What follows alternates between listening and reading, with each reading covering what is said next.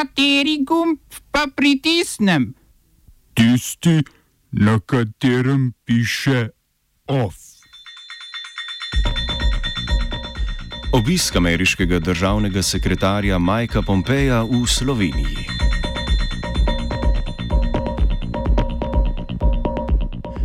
Francija povečuje vojaško prisotnost na vzhodnem Mediteranu. Spopadi v Južnem Sudanu zaradi razoroževanja civilistov. Francosko ministrstvo za obrambo je napovedalo okrepitev vojaške prisotnosti na vzhodnem Mediteranu.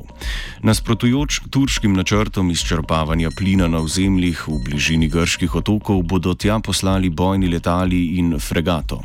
Natančneje gre za odziv na turško raziskovalno ladjo Oruk Reis, ki je ta teden začela preiskovati morje ob grškem otoku Castelorižo, zaradi katere je Grčija tja poslala svojo vojno mornarico. Francoski predsednik Emmanuel Macron je prejšnji mesec pozval Evropsko unijo k podelitvi sankcij Turčiji zaradi kršitve suverenosti grških in ciprskih voda.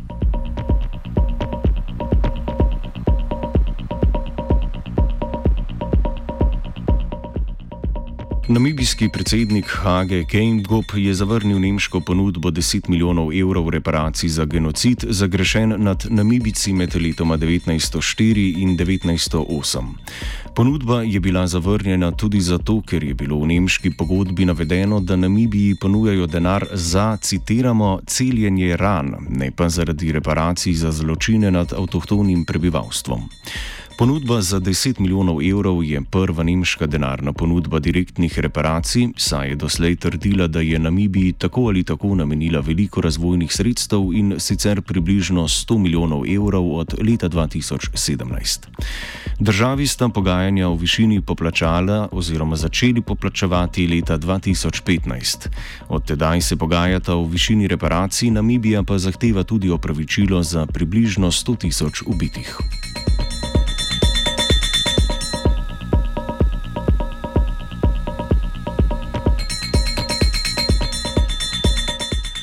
Mjanmarska volilna komisija Zvezdne države Situe z veliko populacijo Rohingov je zavrnila kandidaturo predsednika te skupnosti za nacionalne volitve.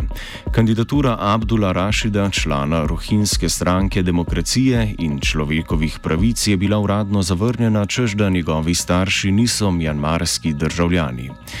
Rešitev ustraja, da je bilo državljanstvo podeljeno že njegovim starim staršem.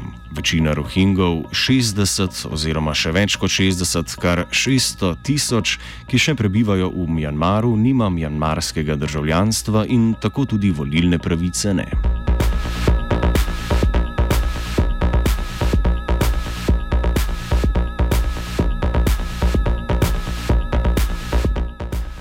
Tajski kralj Maha Vajiralonkon je zagrozil Facebooku, YouTubu in Twitterju s tožbo, če ne zbrišajo objav kritičnih do monarhije. Žalitev kraljeve družine so namreč na Tajskem prepovedane in kaznovane zapornimi kaznimi do 15 let. Tajska vlada je v preteklosti že zahtevala izbris objav na družbenih omrežjih, vendar je sodno preganjala posameznike in platforme. Na Tajskem potekajo protesti, v sklopu katerih zahtevajo razpustitev senata, ki ga imenuje vojska, demokratizacijo volilne zakonodaje in prečasne volitve. Zahtevajo pa tudi zmanjšanje kraljeve moči in kralja nagovarjajo naj nikoli ne pozove k vojaškemu puču.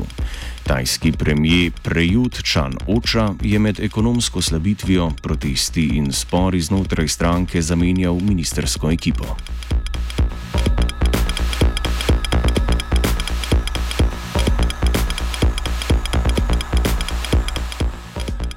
Južnem Sudanu je med poskusom razorožitve civilistov prišlo do spopadov med oboroženimi civilisti in sudansko vojsko s smrtnimi žrtvami. Spopad se je iz mesta Ton razširil na bližnje vasi, kjer so oboroženi civilisti napadli vojaško bazo. Razorožitev civilistov je del mirovnega načrta, ki sta ga februarja sklenila predsednik Salva Kir in vodja opozicije Rijek Mašar. Namen razorožitve je preprečiti povročilne napade med etničnimi skupinami, ki so se bojevale v državljanski vojni do 2013, vendar so te skupine globoko nezaupljive do vlade. Po mirovnem načrtu bi voditelja, predstavnika etničnih skupin Dinka in Nuer, vojskujočih se v državljanski vojni, sestavila vlado nacionalne enotnosti. Zaenkrat sta uspela nastaviti lokalne guvernerje in delno vladno ekipo, medtem ko parlament še ne obstaja. Kljub 81 umrlim v nedavnih spopadih je vojska napovedala nadaljevanje razoroževanja.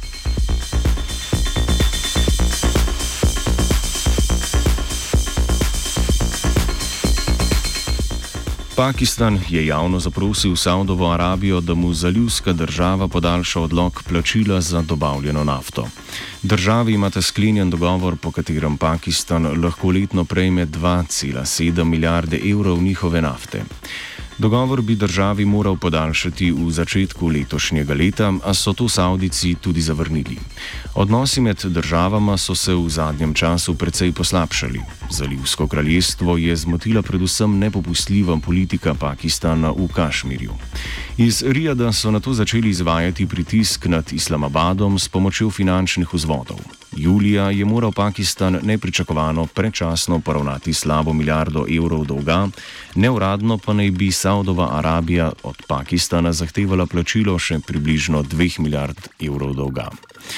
Konec tedna bo Rijad obiskal tudi načelnik generalštaba pakistanske vojske, general Kamar Javed Bajva, ki bo poskušal omiliti pritisk nekdaj tesne zaveznice na Pakistan. Najvišji vojaški poveljnik je tradicionalno ena izmed najpomembnejših oseb v pakistanskem političnem sistemu. Oba, če, če bom odgovoril na angliški. Slovenija bo poskušala pomagati. Slovenija bo naredila naš utmost, da bo rekla, da je situacija naš problem, naš. In mi bomo naredili nadaljnje korake, as soon as the conditions are. Bomo vlado Marjana Cererera Šarca podprli. Very, very serious. News from Slovenia. We know how and we will. Bog živi v stoletjih skovano prijateljstvo med slovenskim in ameriškim narodom.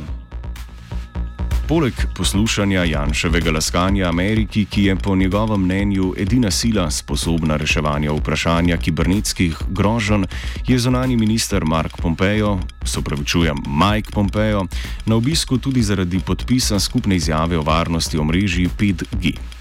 S tem namenom je obiskal že Češko, iz Slovenije pa se bo odpravil še v Avstrijo in na Polsko. Z izjavo se državi zavezujeta k temeljitemu preverjanju dobaviteljev in upoštevanju načel vladavine prava. Takšno preverjanje naj bi izboljšalo kibernetsko varnost. Kitajsko telekomunikacijo. Telekomunikacijsko podjetje Huawei, ki ga ameriška vlada obtožuje vohunjenja za Kitajsko, trdi, da bo podpis izjave otežil uvajanje 5G tehnologije tudi v Sloveniji. Slovensko vlado je pozvalo tudi k podpisu sporazuma o neprisluškovanju, v katerem Huawei zatrjuje, da ne bo dovolil, da se njegova tehnologija uporablja za prisluškovanje. OF je pripravila geja.